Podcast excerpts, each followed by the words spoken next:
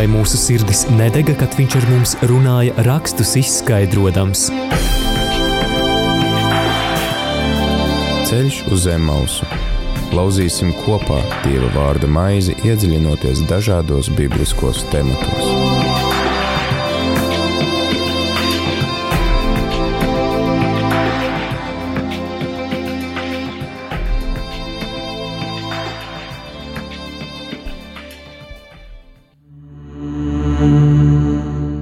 Radījumā arī Latvijas klausītāji.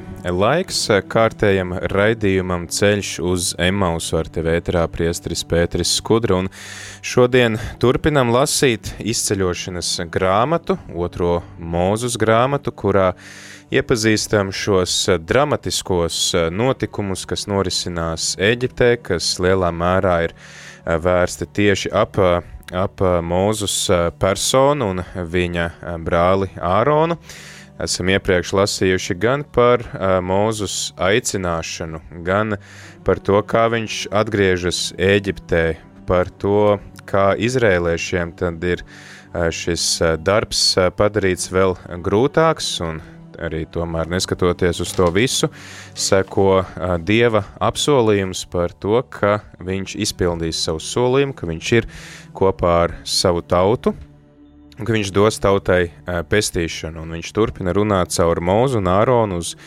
visu tautu, un š, pēc tam šie notikumi uz brīdi šķiet kā pārtrūkst, jo mēs esam nonākuši šodien līdz 6. nodaļas 14. līdz 30. pantam, kurā tiek uzskaitīti Mūzus un Ārona ciltsraksti. Mēs šos ciltsrakstus nolasīsim, mēģināsim arī saprast, kāpēc tad tik um, dinamisku stāstu un tik dramatiskus noteikumu, notikumus ir jāpārtrauc ar šķiet tādu sausu uh, literatūru, sausu dzimtu uzskaitījumu, kas tur pēc kura ir sekojis un kas ko ir laidis uh, pasaulē.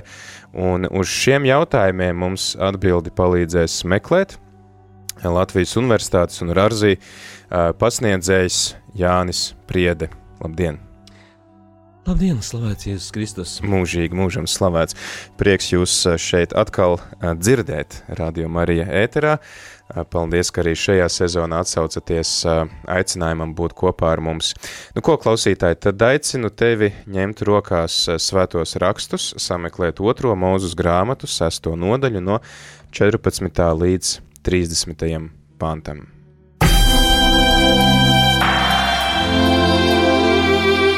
Vai mūsu sirdis nedega, kad viņš ar mums runāja, rakstus izskaidrojams? Ceļš uz zem mausu. Lauzīsim kopā Dieva vārda maizi, iedziļinoties dažādos bibliskos tematos.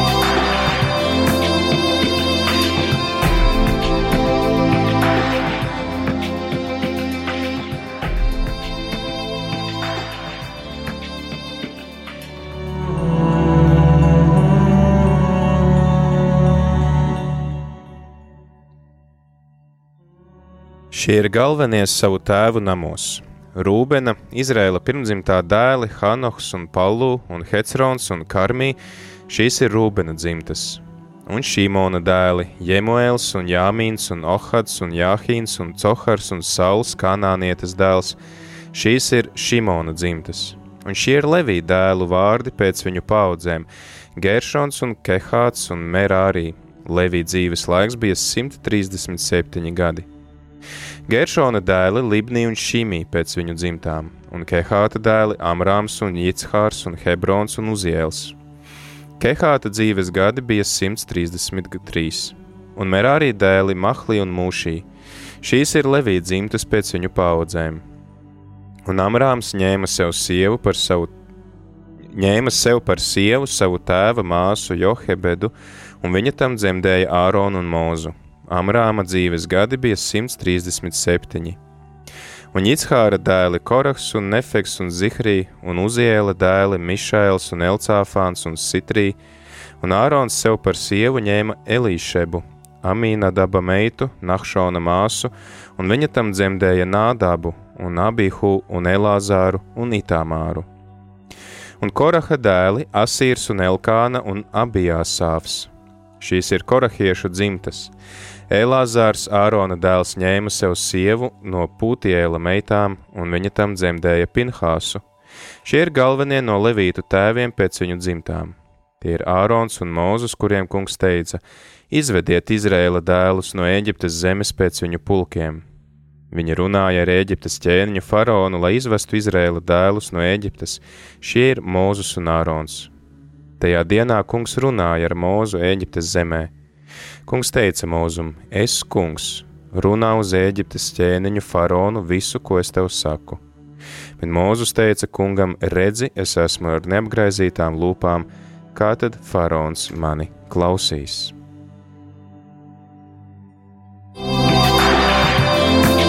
Ceļš uz zem mausu.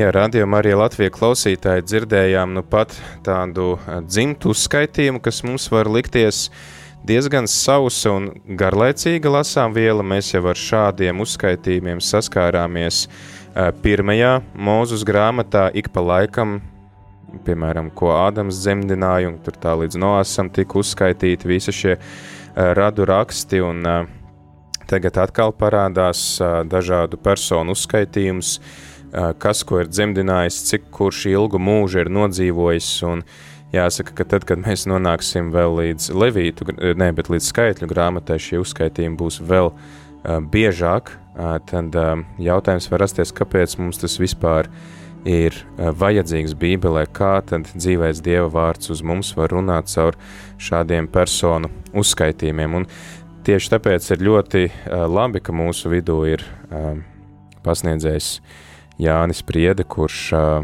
noteikti mums varēs dot ieskatu, kāpēc tad ir šie uzskaitījumi? Reizēm tik sausā lasām viela, bet tā reizēm var arī iegūt ļoti krāsainu to spektru, ja mēs saprotam kontekstu un to, kā jūdi raudzījās uz savām, uz savu vēsturi un uz savām saknēm.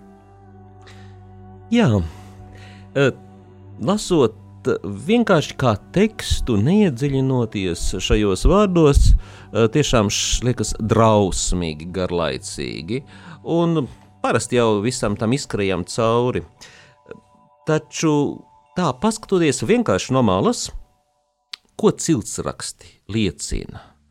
Tie liecina, ka cilvēki atcerās, eh, kas ir viņu tēvs, māte, vectēvs, vecmāmiņas un tā tālāk, dziļi tālāk pagātnē. Tas nozīmē, ka cilvēks apzinās savu identitāti, apzinās tam, kam viņš pieder, un līdz ar to tam, kas apzinās savu vēsturi, nu, ir arī kaut kāda nākotne. Nevelti jau vispār eh, cenšas eh, arī mūsdienās, nu tā, no vēstures atteikties. Vēstures slikta, nu ko tur mēs atcerēsimies, un uh, tālāk par savu vectītiņu, vecmāmiņu jau parasti vienkārši cilvēki neatcerās. Te Latvijā uh, semītautās tas bija savādāk. Viņiem tā identitāte, vēsture bija ļoti būtiska, un šajā gadījumā tas tiešām ir uh, atgriešanās senātā, kā tālākā pagātnē, atgriešanās līdz pat jēkabām un viņa dēliem, kas te tiek uzskaitīti, lai parādītu tajā visā kontekstā, kāda vieta ir Āronam.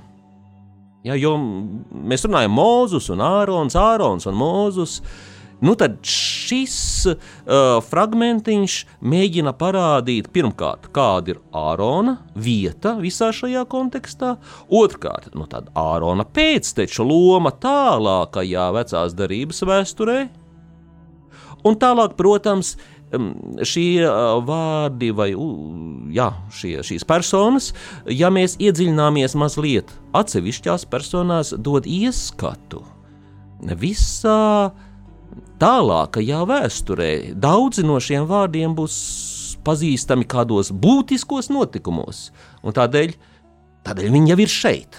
Jau uzreiz parādot kontekstu, būt kopā ar Āronu.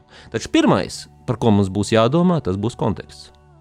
Jā, es domāju, ka tas mums arī ļauj tādu ieskatu, iemest aci mazliet, kas sekos nākamajās nodaļās, tad, kad būs jau izveidots šis tempļa kults vai telts, kults, kurā kalpo priesteri, tad arī tie dēli tur savā starpā tiks sadalīti, kurš atbild par mūzikas instrumentiem, kurš par uh, upuru pienešanu un tā tālāk. Bet kāds tad ir tas konteksts?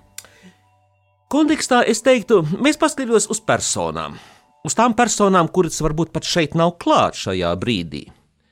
Bet uh, no viena no būtiskākajām, kā visos, visās valstīs, laikam, ir prezidents, šajā gadījumā faraons. Uh, faraons, kas izturās slikti pret ebreju tautu, kas tur ir ieceļojuši, kas demogrāfiski pamazām kļūst dominējoši, Un tad mēs varam pat saskatīt zināmas paralēlas ar mūsdienām, kā valdība, nu, toreizējā eģiptiešu valdība, proti, faraons, nu, mēģina atrast kaut kādus demogrāfiskus risinājumus problēmām, ko sagādā uh, nu, lielais uh, ieceļotāju skaits, proti, tiek likti lietā dažādi demogrāfiski līdzekļi, nu, piemēram, nu, mūsdienās, protams, ir plaši izplatīts tāds līdzeklis kā aborti, nu, tajā laikā uh, tie bija vēlīni aborti, faraons ieteica vecmātēm nogalināt uh, tos bērnus tūliņ pēc piedzimšanas, ja piedzims ir kāds vīriešu kāds pārstāvis,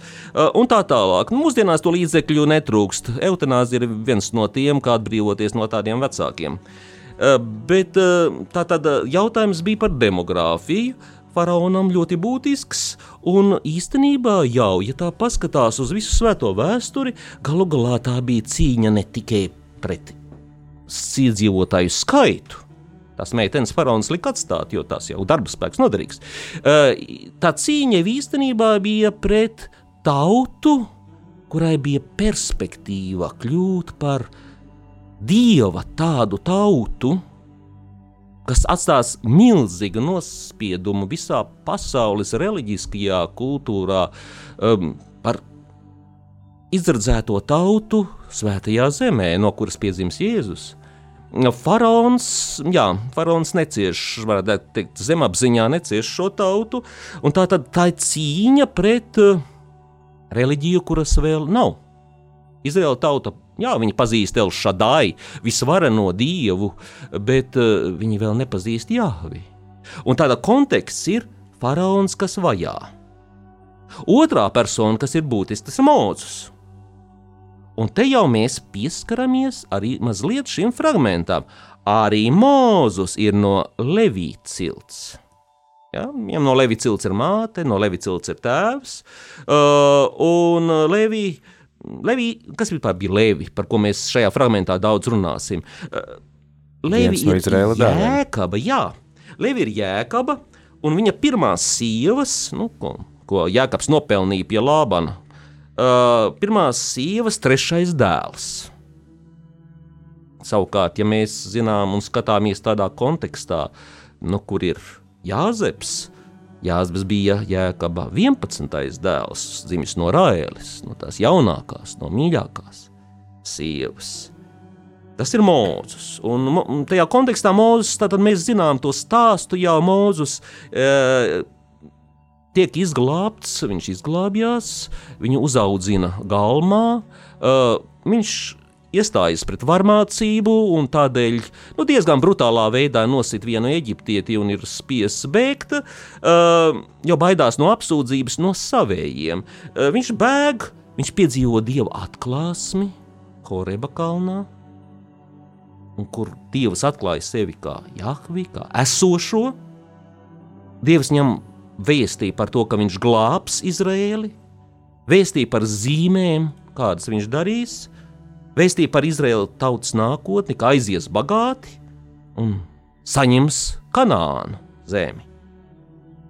Uh, jā, un Dievs viņam ir līdzis pavēlējis runāt ar uh, faraonu, prasīt, lai atlaiž tautu tuksnesī, Nu, faraons, protams, kā iepriekšējos lasījumos jau jums, jūs lasījāt šeit, faraons eh, izvēlas nu, tādu pretnostāšanos, tā kā, tā kā Lukašenko ar, ar ļoti eh, noteiktu vērstu rīcību pret eh, kaut kādu tautas prasību. Tā tauta ir jāapspiež. No faraons tā ļoti gudri saka, nu jums bija jātaisa ķieģeļi no salmiem un māla. Tagad taisiet to pašu skaitu, skaitu ķieģeļu, bet salmus nedošu. Uh, bet ķēgļiem jābūt. Tā tad varmācīga apspiešana, un tauta ir sašutusi pret to mūzu ideju, vai ne? Nu, tad, tagad mums jāstrādā vēl vairāk.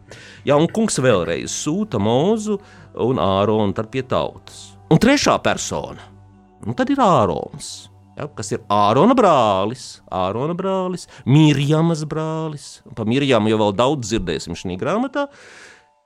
Un kungs pats Horeba kalnā bija mūzis un pateicis, lai viņš ņem, mo, lai viņš ņem Āronu sev palīgos. Kādēļ kungs tā teica? Tad, ka mūzis tāpat kā visi mēs teica, vai dievam viņš teica, sūti citu, sūti citu. Uh, nu, tad, uh, nu, tad saņēma tādu atklāsmi no dieva, lai Levīts Ārons, tavs brālis, kļūst tev par muti un runā, ja jau tev ar to runāšanu iet grūti. Uh, jā, un tad, tad tas ir šis konteksts - faraons, Mūzus un Ārons. Un tagad, tagad mēs varēsim ķerties pie paša fragmenta. Jā, pats uh, fragments uh, uzsāk, man liekas, ka tas nonāk pretrunā ar mazliet šīs grāmatas sākumu, jo mēs lasām, ka tas laiks, uh, ko uh, starp uh, Jāzepu un viņa brāļiem, kas pārvācās dzīvot uz Eģipti un Mūzu un Āronu, ir kādi 400 gadi pareizi. Tas ir viss ļoti aptuveni. Ļoti aptuveni, jo pēc šīs grāmatas sanāk, re, kur ir tātad Levija dēli ir Geršons, Kehāts un Merārī, un pēc tam ir uzskaitīti Gēršona dēli, un tad jau skaties, nāk jau Mozus un Ārons, kas ir tie viņu mazbērni. Vai tiešām tur sanāk, nu labi, vēl ir uzskaitīts, ka viņi ir dzīvojuši 130 gadus. Um, vai tiešām ir bijušas tik maz tās paudzes starp, uh, starp Mūzu un, un Jāzepu, un kāpēc mums ir tik svarīgi zināt, kurš cik gadus ir dzīvojis? starp Mūzu un Jāekabu. Jā. Tātad te jautājumi ir vairāk. Jautājums ir jautājums par ciltsrakstiem nu, un tām personām, kuras te ciltsrakstos parādās, kuras tiek izceltas tajos ciltsrakstos, it īpaši. Jo, kā mēs zinām, ciltsrakstos nevienmēr visas personas parādās. Dažas tiek vienkārši izlaistas, kā nebūtiskas, noklustētas. Mēs to redzam Jēzus cimsrakstu. Jā, īstenībā nerunāsim neko ļaunu par tiem, kas ciltsrakstu sastāda, bet tā sauktais damnācio memorie tajos laikos bija īpaši faraona laika Eģiptē ļoti izplatīts. Ko faraons darīja, ja viņam nepatika kāds no priekštečiem? Nu, tad viņš lika izskaut tā cilvēka vārdu vispār no viņa kapu pieminekļa un no visiem tekstiem. Nu, ja vārds ir izskalts, vēsturē šīs personas vairāk nav, problēma atrisināta, nu, un tās personas vairāk nav. Izskalts nav nodots aizmirstībai. Uh, šādus, var teikt, Orvela romāna cienīgus gājienus mēs sastopam 21. gadsimta fotografijās, vēstures grāmatās un daudz kur ļoti citur, kā cilvēks nav īpaši patīkams viņu retušē laukā no fotografijas. Uh, bet Bībelē jau nav tik traki. Bībelē ir, varētu teikt, tie svarīgākie minēti un arī tie sliktie. Nav tā, ka sliktos izdzēš. Mēs redzēsim šajā uh, sarakstā, ka te ir iekšā arī sliktie. Nu, kas tad ir sarakstā iekšā? Uh, saraksts sākās ar vecākajiem jēkaba dēliem. Vecākie, svarīgākie jēkaba dēli, trīs vecākiem. Pirmkārt, Rūbens, otrkārt, Simons un treškārt, Levi. Bet saraksts vēlāk fokusējas uz Levi fokusējās. Bet Rubens un Simons šeit ir paši pirmie. Un no Levi, protams, te ir runa tālāk par Mūzu, par Āronu, par Nadabu un Abihu, par Kori un viņa dēliem, un viņa dēliem tā skaitā Piniesu. Nu jā, tā tad Rūbens, atceramies, viņš bija viens no 12 jēkaba dēliem – Tie, kur aizgāja uz Eģipti tajā bada laikā, uh, Raini, esam lasījuši, kāda loma Jāzepam bija tajā laikā, lai pabarotu savu tautu. Uh, Un tagad ir pagājušas paudzes, ebreji bijuši aizvien vairāk un vairāk un vairāk, un tagad esam nonākuši jau jā, līdz jaunai paudzei. Uh, Rūbens pēcnācēji izceļo, Uņa brāļa Simeona pēcnācēji izceļo, Levi pēcnācēji tagad izceļo. Simons, piemēram, šeit pieminēts, jā, nu, ieskatoties tā mazliet pagātnē. Uh, Simons kopā ar savu brāli Rūbēnu bija nu, diezgan varmācīgi ļaudis, vai arī taisnīgi. Viņa atriep to savu māsu. Vecā, jā. jā. Vecā darība, godīgi sakot, parāda dieva taisnīgumu no vienas puses, un cik tas nežēlīgi dažkārt izpaužās. Cik ārkārtīgi nežēlīgi, no otras puses taisnīgi. Jā, pasaule bez žēlsirdības, ja tā ir pasaule bez Jēzus. Simons, nu, viņa toreiz atrieba savu māsu, kas bija izvarota Dīnu, un atceramies, ka guļot uz nāves gultas jēkabs nolādēja Simonu un Levi, ka viņu pēcnācēji būs izkaisīti pa visu Izrēlu. Nu, par Levi pēcnācējiem mēs vēl īpaši runāsim, kā viņi būs izkaisīti pa visu Izrēlu. Uh, jā, bet nu, pirms um, vienkārši uh, sekosim tālāk uh, šim tekstam, varbūt tāda maza, maza zemesvītras pies, piezīme par, par vārdiem un vārdu transliterēšanu latviešu valodā. Uh, tikko lasījām, tajos sarakstos bija runa par Šimonu, vai ne? Jā, Šimona dēla. Jā. Uh, nu, tā, tā vecākos ir, tulkumos Simeons ir. Jā, jā Šimons, Simons vai Šimons. Ja, nu, mēs zinām tādu uh, Izraēlas valsts vīru, kā bija Šimons Pēres, piemēram. Uh, runā par Šimonu Makabeju dažkārt, vai par Simeonu Makabeju, kas būtu varbūt precīzāk tam helēnistiskajam laikam. Uh, tātad jautājums ir par šo Šimonu. Nu, īsnībā tas ir tas pats vārds, kas tam Sīmanim Pēterim. Simeons ir Simeons. Katrā ziņā Simeons paņēma nu, Jēzu uz rokām Jeruzalemes templī, uh, un viņš bija Simeons. Viņu rakstīja vismaz grieķiski tieši tāpat kā šo uh, jēkaba dēlu, Simeons. Nu, kurienes tad Simeons un kādēļ nu, tajā 2012. gada tulkojumā un mazliet jau ātrāk parādās šis uh, Šimons? Mēs redzam, ka latviešu pēdējos tulkojumos ir aizvien lielāka tendence nu, ebreizēt šos vārdus. Un tad ir jautājums, cik tālu tas ir derīgi, cik nē, bet Simeons tas ir no grieķu vārda paši ebreji, lai varētu tie grieķi saprast to Šimonu un izrunāt. Paši ebreji divus gadsimtus pirms Kristus viņu transliterēja kā Simeonu uh, grieķu valodā. Nu, un tā tas ir iegājies īstenībā daudzās kultūrās. Arī mēs pazīstam labi Simeonu. Uh, Šimons, nu, tas ir ebrejiskā versija. Lai gan lasām mazliet tur tālāk, tur ir minēts Sauls, kā viens no tiem pēcnācējiem Sauls. Īsnībā būtu jāsaka Šauls. šauls.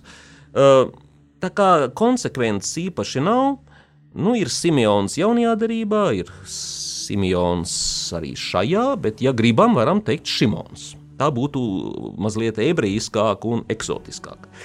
E, jā, Tā tad, e, un mēs jau, protams, sakām Samuēls, nevis Šmuēl, e, kā būtu, ja mēs ebreizētu arī pravieša Samuēla bērnu. Tad būtu šum, nevis Samuēla skola, ko tagad visi var pieteikties, kas vēlas pārdomāt savu aicinājumu dzīvē, bet tad būtu Šmuēla skola. Par laimi tā nav. Jā, bet tā bija zemesvītras atkāpe. Paldies par šo atkāpi, jā.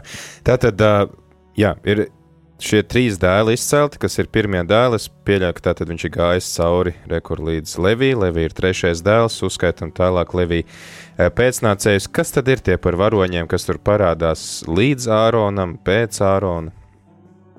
Nu jā, tā tad Levija dēli un dažādi dēli tie ir minēti. Piemēram, nu, tur viens dēls ir Kehāts, un no viņa cēlies Āmrāms, un tas tā starp citu Bet tad nāk Ārons un Mūzus no šī. Ja, Ārons un Mūzes tie divi būtiskie, kas izved, izvedīs, uh, izvedīs ebreju tautu no Eģiptes verdzības. Ja mēs lasām grāmatu, kas sarakstīts daudzus gadsimtus pēc šī teksta, uh, jau grieķu valodā, bet pirms Kristus, uh, tad Sīraks apraksta šo vēsturi, piemēram. Uh, viņš raksta par Āronu, saka, mm, viņš saka, viņš, runā par mūzu, ka no Jēkab pēctečiem Dievs aicināja žēlsirdīgu vīru, kas visu dzīvo acīs rada labvēlību, Dievu un cilvēku mīlētu mūzu, svētīta ir viņa piemiņa, darīja viņu svētījiem līdzīgu godībā, dižanu ienaidniekiem par izbailēm, un viņam līdzīgu svēto kungs cēla godā viņa brāli Āronu no Levicilts, noslēdz ar to mūžīgu derību, ar tautas priesterību apveltīja, ar krāšņumu aplaimoja, ar godību izrotāju Un nu, tad garš slavinājums šīm divām personām - Mozum un Ār, ār, Āronam. Mozum piepildot savas saujas un svaidot Āronu ar svēto eļļu, tika noslēgta mūžīga derība ar viņu. Un kamēr pastāvēs debesis ar viņa pēcnācējiem, dievkalpojumu svinēs un tā tālāk. Tā tad eh, šī loma Ārons un Mūzus. Jā, bet jāsaka tā, no tad Ārons, kas ar laiku ieņem jau toreiz, protams, to pašu būtisko priesterību izpilda, un pēc tam viņa pēcnācēji, Ārona dēli, galvenie kalpošanā no Levicilts. Un Leviciltī būs arī citi, kas kalpo templī. Bet, ja mēs skatāmies uz tiem pārējiem, ja, tad vēl Ārona dēli kādi tiek uzskaitīti. Ne jau tikai tie labie vieni. Ja? Tiek tūlīt uzskaitīts. Nādāps un abie. Tie bija tie pirmie priesteri, ja? Uh, viņi bija viņa dēli, bet viņi mira tuksnesī. Viņa mira tuksnesī, ja lasām skaitļu grāmatā, trešajā nodaļā. Uh, proti, tur rakstīts, viņi bija atnesuši svešu uguni. Nu, ko tas nozīmē? Ne jau tāpēc, ka mājā iekurinājuši ar kaut kur sameklētu uguni. Nē, viņi bija dievkalpojumā uh, piedalījušies ar nepareizu rituālu, proti, Tātad kaut kas bija nepareizi ar dievkalpojumā, kaut kāda agdievība vai vēl kaut kas. Šis svešais, kas bija ienests klāt rituālā, šis svešais uguns, uh, un viņi gāja bojā. Viņi palika bez pēcnācējiem. Un no Ārona dēliem īstenībā palika Eliāzars. Uh, Eliāzars uh, un otrs viņa dēls, jaunākais. Bet Eliāzars ir īpaši pieminams tāpēc, ka viņš jau iegāja apsolītajā zemē. Viņš bija vecākais. Pēc tam 40 gadiem staigā, izstaigājis visu tuksnesi. Pēc tam 40 gadiem viņš iegāja apsolītajā zemē. Viņš bija vecākais no tiem, kurus Jozua. Un Jozua, ja mēs par tiem vārdiem runājot, īstenībā, īstenībā nozīmē to pašu, ko Jēzus. Ješua. Ješua. Ja mēs viņu ebreizējam Jozo, tad būs Iešua. Un tas nozīmē Jēzus.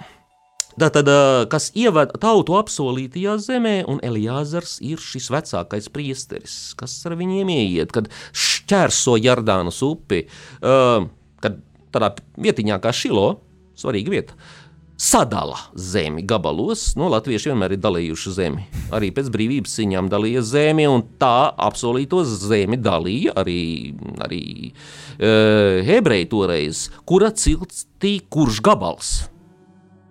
Uh, un Eliāzars ir starp tiem, kas tur šo zemi arī dala, starp 12 ciltīm un levītiem.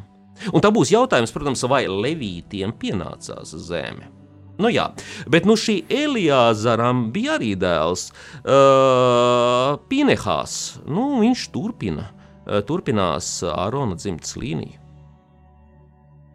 Uh, ja skatāmies tālāk, nu, garlaicīgi no vienas puses, bet nu, tomēr, ja mēs skatāmies uz tām personām, tad tas vairāk nav garlaicīgi.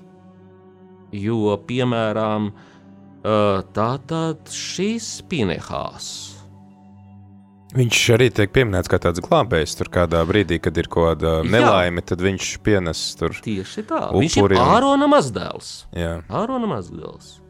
Nu, un viņš arī var mācīgi diezgan. Diezgan varmācīgi. Viņš nogalināja tur Simrī un vienu midjāniešu prostitūtu, kas bija vārdā. Un, un tad Izbeidzās drausmīga sērga, drausmīga slimība, kas bija uzkritusi tautai tuksnesī, jo nu, tauta tur nodarbojās ar ar morāli nepieņemamām lietām pielūdza bālu pie reizes, nu, jo cilvēkam jau vajag kaut ko, ko pielūgt. Nu, ja nav dieva, tad vienmēr kaut kas ir jāizgudro, kas tāds būtu tāds alks. Uh, un, jā, un tad uh, Pinhāsam bija tāda svarīga loma. Uh, tādas, var teikt, kārtības atjaunošanā, reliģiskas kārtības atjaunošanā Izrēlā. Vai cits dēls? Ja, ja paskatāmies tālāk, vēl viens dēls tur ir minēts no Levi dēliem. Tātad, jo redzam, ka viss fokusējās lielā mērā ap to Levi cilti. Nu, un tad viens cits Levi dēls te ir minēts - Ichārs. Un no viņa ir cēlies Koraks. Ļoti ļoti e, interesants tēls, interesants, traģisks. Nezinu. E, viņš bija levīts, tātad tiem, kuriem uzticēja milzīgus pienākumus tautā. Nu, zem ārona, jā, bet nu, viņi tomēr bija īpaši izredzēti, kā nekā tā pati cilts, kā Sāronam un, un Mozum. Bet, e, le, bet šis levīts uh, Korahs viņš vadīja tādu visnopietnāko grupu, visnopietnāko sazvērnieku grupu pret mūzu. Ja skatāmies skaitļu grāmatā, 16. nodaļā, un, un tur arī Dātans parādās, un Abirāms viņš ir neapmierināts, ka vispār tas viss ir tik ilgi, ka, nu, tā kā es te ilgi runāju un runāju, un nekā iedzīga nav, nu, ka tas ceļojums iet uz svēto zemi tik ilgi un ļoti neapmierināts ar to, un ka Mozus un Ārons tagad ir lielie priekšnieki. Bet īstenībā jau runa nebija par to.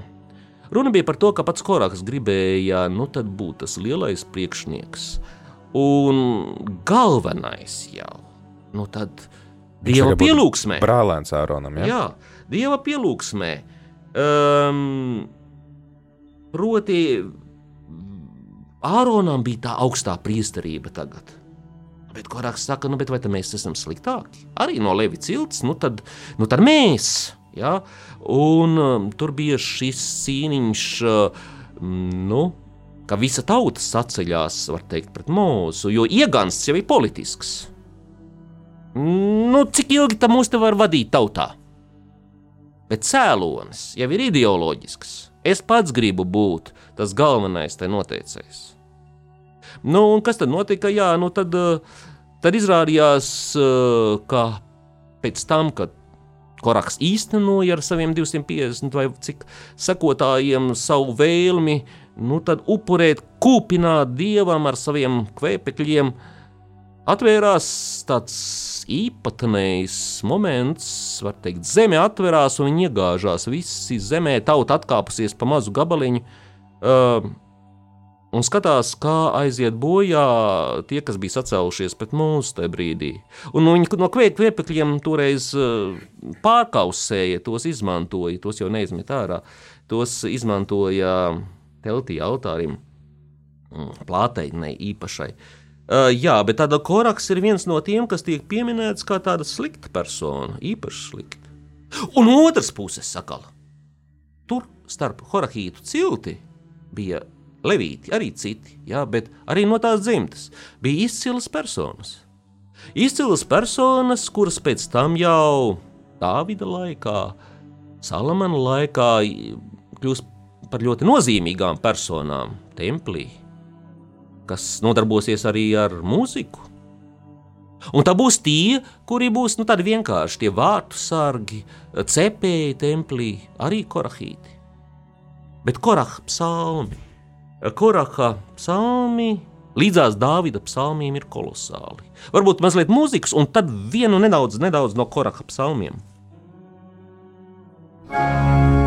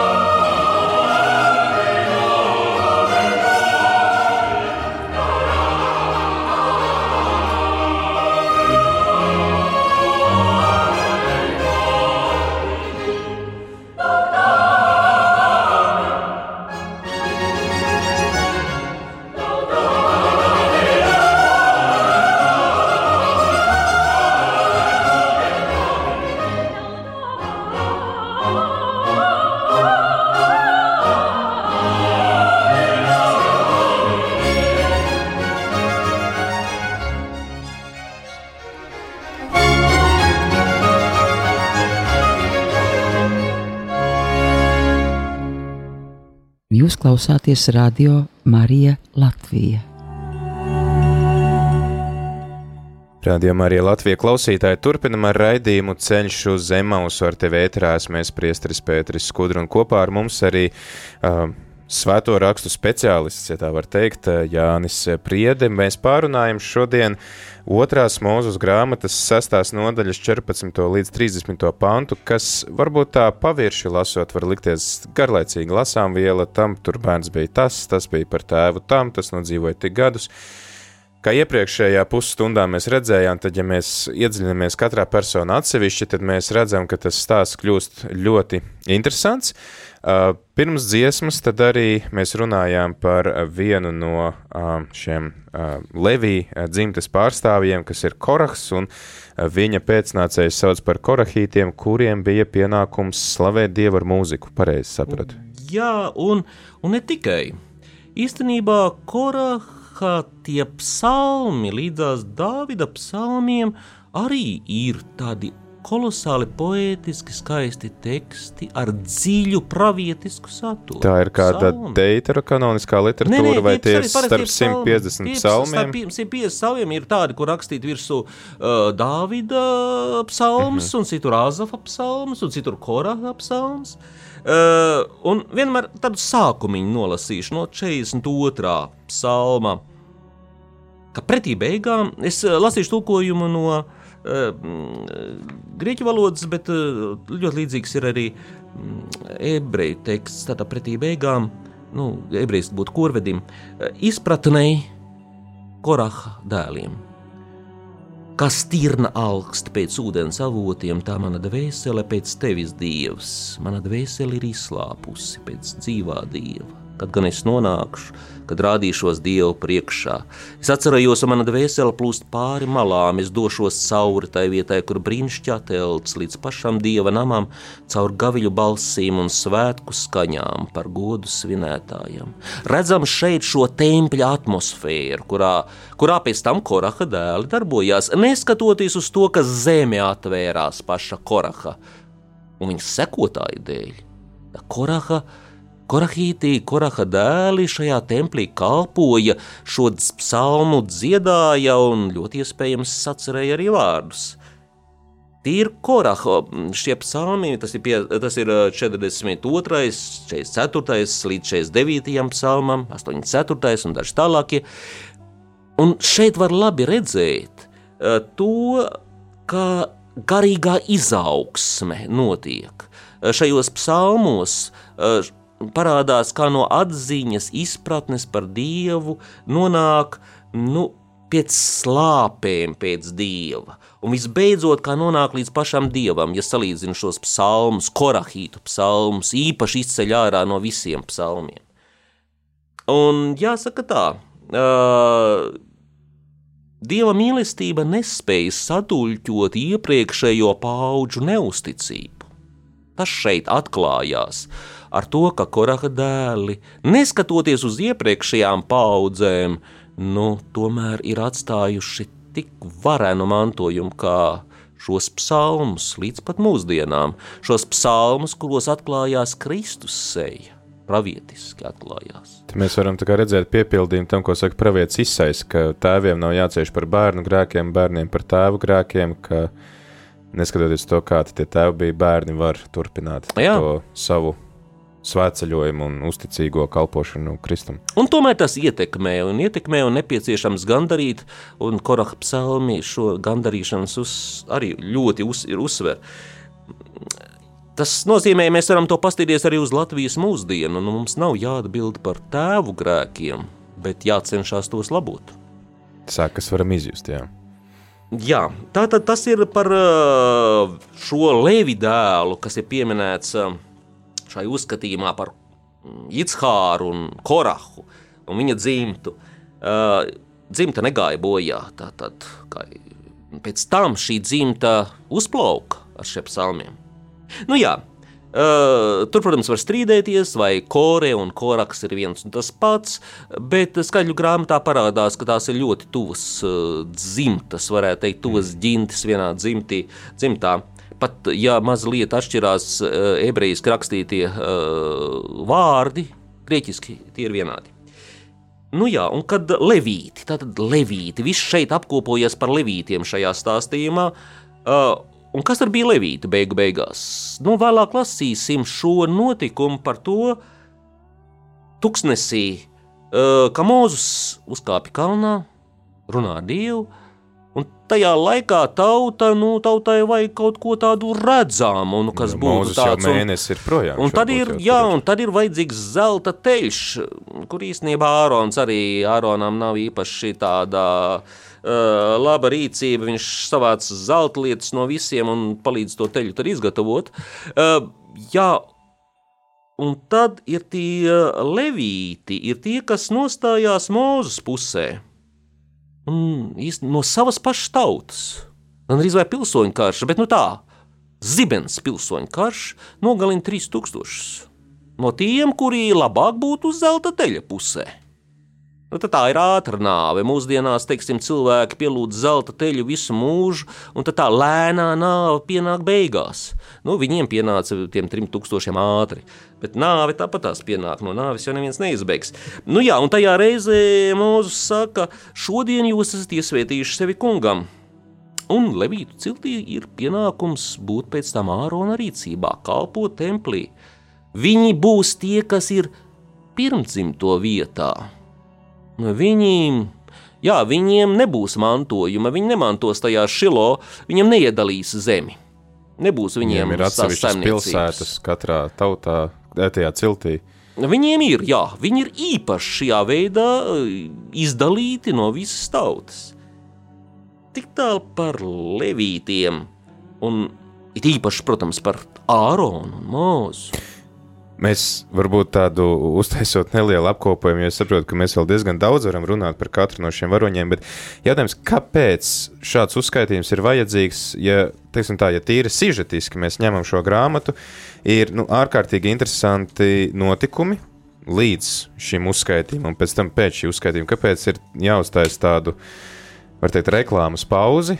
Un jāuzskaita šie varoņi. Tā ir tā tāda prelūdija tam, kas būs, vai tas ir uh, vēsturiski veidojot šo grāmatu un pierakstot jau tajos trimdas laikos, kad bija svarīgi pierādīt, tad no kurienes kurš ir cēlies, vai, vai kāda ir tā nozīme un nodoms. Jā, skatījums nākotnē tas ir viens.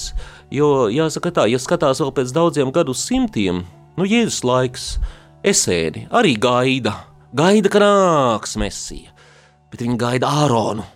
Viņi gaida to priesterisko cilts uh, pēcteci. Savukārt Jēzus nāk no Dāvida cilts. Uh, viņš ir valdnieks, tas otrais, jā, mm, kas ir līdzās tam priesteriskajam it kā esēnu ieskatā. Uh, jā, bet uh, tādā skatījums uz nākotni, protams, līdz pat kristietībai, Taču te jāsaka, ka kristietība tomēr mm, nu, spēr soli tālāk. Ja uh, vecās derībās priesterībai bija ļoti svarīgi šie cilsraksti, kurš tad ir tas priesteris? Tad viņu bērni, kuri nāk no Ārona cilts, kuri nāk tikai no Levi cilts, tad viņu uh, pienākumi, uh, tad ja paskatāmies, eh, ko vēstule ebrejiem saka par Kristu, tad Kristus ir ticis aicināts. Tur teikts, tāpat kā Ārons, taču viņš nav no Ārona cilts, viņš nav no, mo, no uh, Mūzus, var teikt, Az, Ārona Mūzus priesterības. Viņš ir no Melhizedek. Melhizedeka. Ja? Un, ja tagad skatāmies Āronam un Mūzum šajā fragmentā, mēs izsakojām viņu ciltstēvus. Kas tad, tad Levi, tad Jēkabs un tā tālāk. Ja mēs skatāmies Melkisedekam, viņam nav šo, viņš nāk nu, no citām tautām. Un tāpat arī, ja mēs skatāmies uz to priesterību, kas ir pēc Jēzus, to priesterību, kas ir mūsdienās, no visām tautām ir priesteri nākuši. Nav vairāk viņi tā saistīti vienā ciltsrakstā, lai gan mēs varam izsekot pāvestus, mēs varam izsekot mm. bīskapus, kurš no kura bīskapa iesvētīts, bet nu, nav tā, kā būtu dzimuši, fiziski dzimuši vienā konkrētajā Ārona ciltī vai Leviciltī vai tam līdzīgi. Tātad viens skatījums ir, protams, šis skatījums, kas savieno pagātni ar vēsturi, bet otrs skatījums, kas savieno visas Bībeles grāmatas kopā. Ja? Šajā mazajā fragmentā parādās vēsture, kas notiks vēl nākamajās grāmatās. Un tāpēc šīs personas te jau ir izceltas bieži vien. Mm -hmm. Un tas, kā ir savienota jaunā un vecā derība, um, nu, tas, es domāju, arī šeit parādās. Uh, šeit gan svētnīcas loma, gan templis, gan tie, kas kalpo templī, tas viss te, te parādās, un Jēzu iegūst savu piepildījumu. Tas sanāk, ka jau šis uzskaitījums ir kā tāds pravietojums par to priesterību, ko atnesīs Kristus, kas piepildīsies Kristū. Uh, tāds varbūt nos... nē, nē? nē, Kristus nāk ar jaunu to priesterību, pilnīgi jaunu. Bet analoģija ir. Analoģija. Jā, analoģija tad, tad... tauta tiek mācīta ka priesteri ir vajadzīgi, kults ir vajadzīgs. Jā. Tautai ir šis priekšstats, un viņi gaida tagad īsto, kas būs nevis tā telts, kas te ir rokām uzcelta, nevis tas templis, kas ir rokām uzcelts, bet gaida to neredzamo templi, ko tad Jēzus nes. Un kas ir viņš pats? Arī ar visu to kultu, kas, kas tajā notiek. Uh, noslēdzot šo raidījumu, kāds būtu jūsu ieteikums teiksim, visiem tiem mūsu klausītājiem, kuriem nav iespēja piezvanīt jums vai vēl kādam Bībeles ekspertam un uh, gūt šādu izsmeļošu skaidrojumu? Tad, kad mēs saskaramies, mēs arī uz priekšu vēl saskarsimies ar šādām nodaļām, pat, pat vairākas nodaļas pēc kārtas, kur tiek uzskaitītas dzimtas un, un vārdi. Kā jā, kāds varbūt vienkārši izlaist un ķerties tālāk nākamajam tekstam, vai kā varbūt padarīt to tekstu tādu, kas runā uz mani un, un kļūst saprotams. Nu, viena iespēja, ko es domāju, izmantos varbūt pāris cilvēki Latvijā, būtu doties studēt. Studēt garīgajā seminārā, ja? vai nu, vismaz rārzi, Jā. Ar zinu, aiziet, studēt var. Jā, tā kā mm, tas būtu viena iespēja. Otra iespēja, protams, es teiktu, ir lasīt svētos rakstus, kamēr tie sāk runāt. Sākt ar mhm. jauno darību, un tad arī veco darību. Mm, un, un, jā, un trešais, protams, ir svarīgi, ir labi komentāri, un tie nekādā ziņā nav interneta komentāri. Kur jūs ieteiktu meklēt labus komentārus? Ja, teiksim, vai ir latviešu kaut kas pieejams, vai mums ir tikai jāmeklē kaut kas svešvalodās? Nu, par dažādām, dažām grāmatām konkrētām ir. Par izceļošanas, ah, nē, nu ļoti laba grāmata ir uh, iznākusi pirms uh, gada uh, par uh, Toru, par Pentateuhu, ko ir izdevis. Uh, Arzi.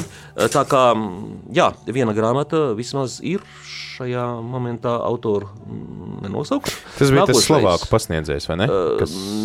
Nē, vai poļu pasniedzējs. Tas bija poļu, Slovā, Slovāku pasniedzējs tulkoja grāmatu par praviešiem. Jā. jā. Par praviešiem, bet grāmata par Pentateuhu, proti par pirmajām piecām grāmatām, tā, anahroniski dēvētajām par mūzes grāmatām, nu, tad tas ir šīs poļu pasniedzējs ļoti labi uzrakstīta grāmata no vēsturiskās perspektīvas. Mm.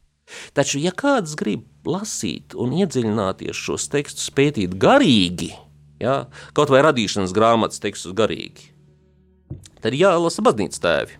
Mm. Un, piemēram, nu, radīšanas grāmatas pirmās nodaļas ir fantastiski skaisti un garīgi skaidro Augustīns savā grāmatā atzīšanās. Tā arī ir labi. Tur viena da, atsevišķa dažas nodaļas ir šī garīgā ekseģēze, kas man liekas ir svarīgāka par to sižetisko atstāstījumu, ko šodien darījām mēs. Un Bartolomī, Dievs un tā tēls. Lieliska grāmata. Jā, to var atrast noteikti grāmatu galdos bibliotekās. Klau, uh, Liels paldies! Tas laiks paskrien šeit ļoti ātri ar jums, un uh, paldies, ka jums bija laiks būt kopā ar mums un dot šo skaidrojumu, un arī ieteikumus, kur vēl var meklēt uh, papildus uh, kādas zināšanas. Klausīties, ceru, ka tev arī noderēs šis raidījums, un jā, ja vēlies, ir iespēja pieteikties Rāzijas studijām, tur varēs arī sastapt pasniedzēju Jāni. Rāzija ir Rīgas augstākais reliģijas zinātņu institūts. Atrodas Katoļa ielā 16, un uh, mācības nav nemaz tik dārgas, un notiek piekdienās, sestdienās, tā kā arī darba ļaudis tās var atļauties. Lielas paldies, un tad tiekamies jau nākamā ceturtdienā. Uzredzēšanos! Ceļš uz zem mausu!